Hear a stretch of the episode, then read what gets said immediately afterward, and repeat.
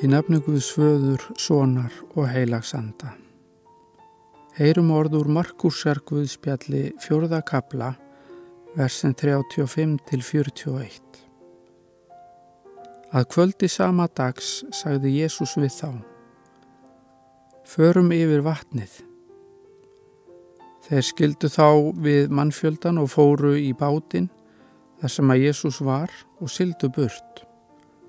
Aðrir bátar fylgdu þeim eftir. Þá brast á storm hrina mikil og fjallu öldurnar inn í bátinn svo að viðláa að hann fylgdi. Jésús var í skuttnum og svaf á kotta.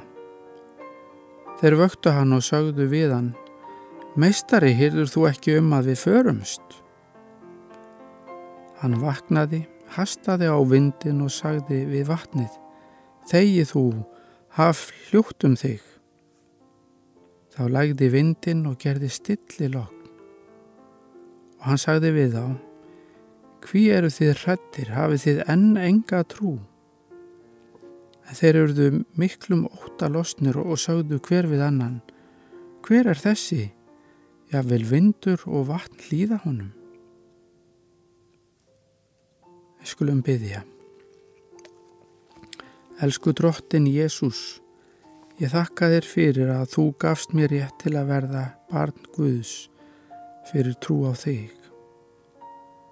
Þakka þér fyrir að í skýrninni egnaðist ég þennan barnarétt og var mertur þér með tákni krossins á enni og brjóst.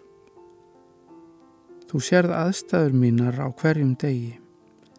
Þegar stormar lífsins blása allt í kring, Hjálpa mér þá að minnast þess að þú ert með mér og að þú ferð með mér gegnum erfileikana, sorgirnar og áföllin.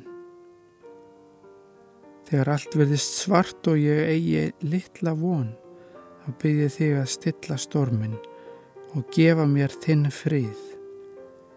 Fyltu hugar þel mitt af kærleika þínum og lettu af mér öllum áhyggjum.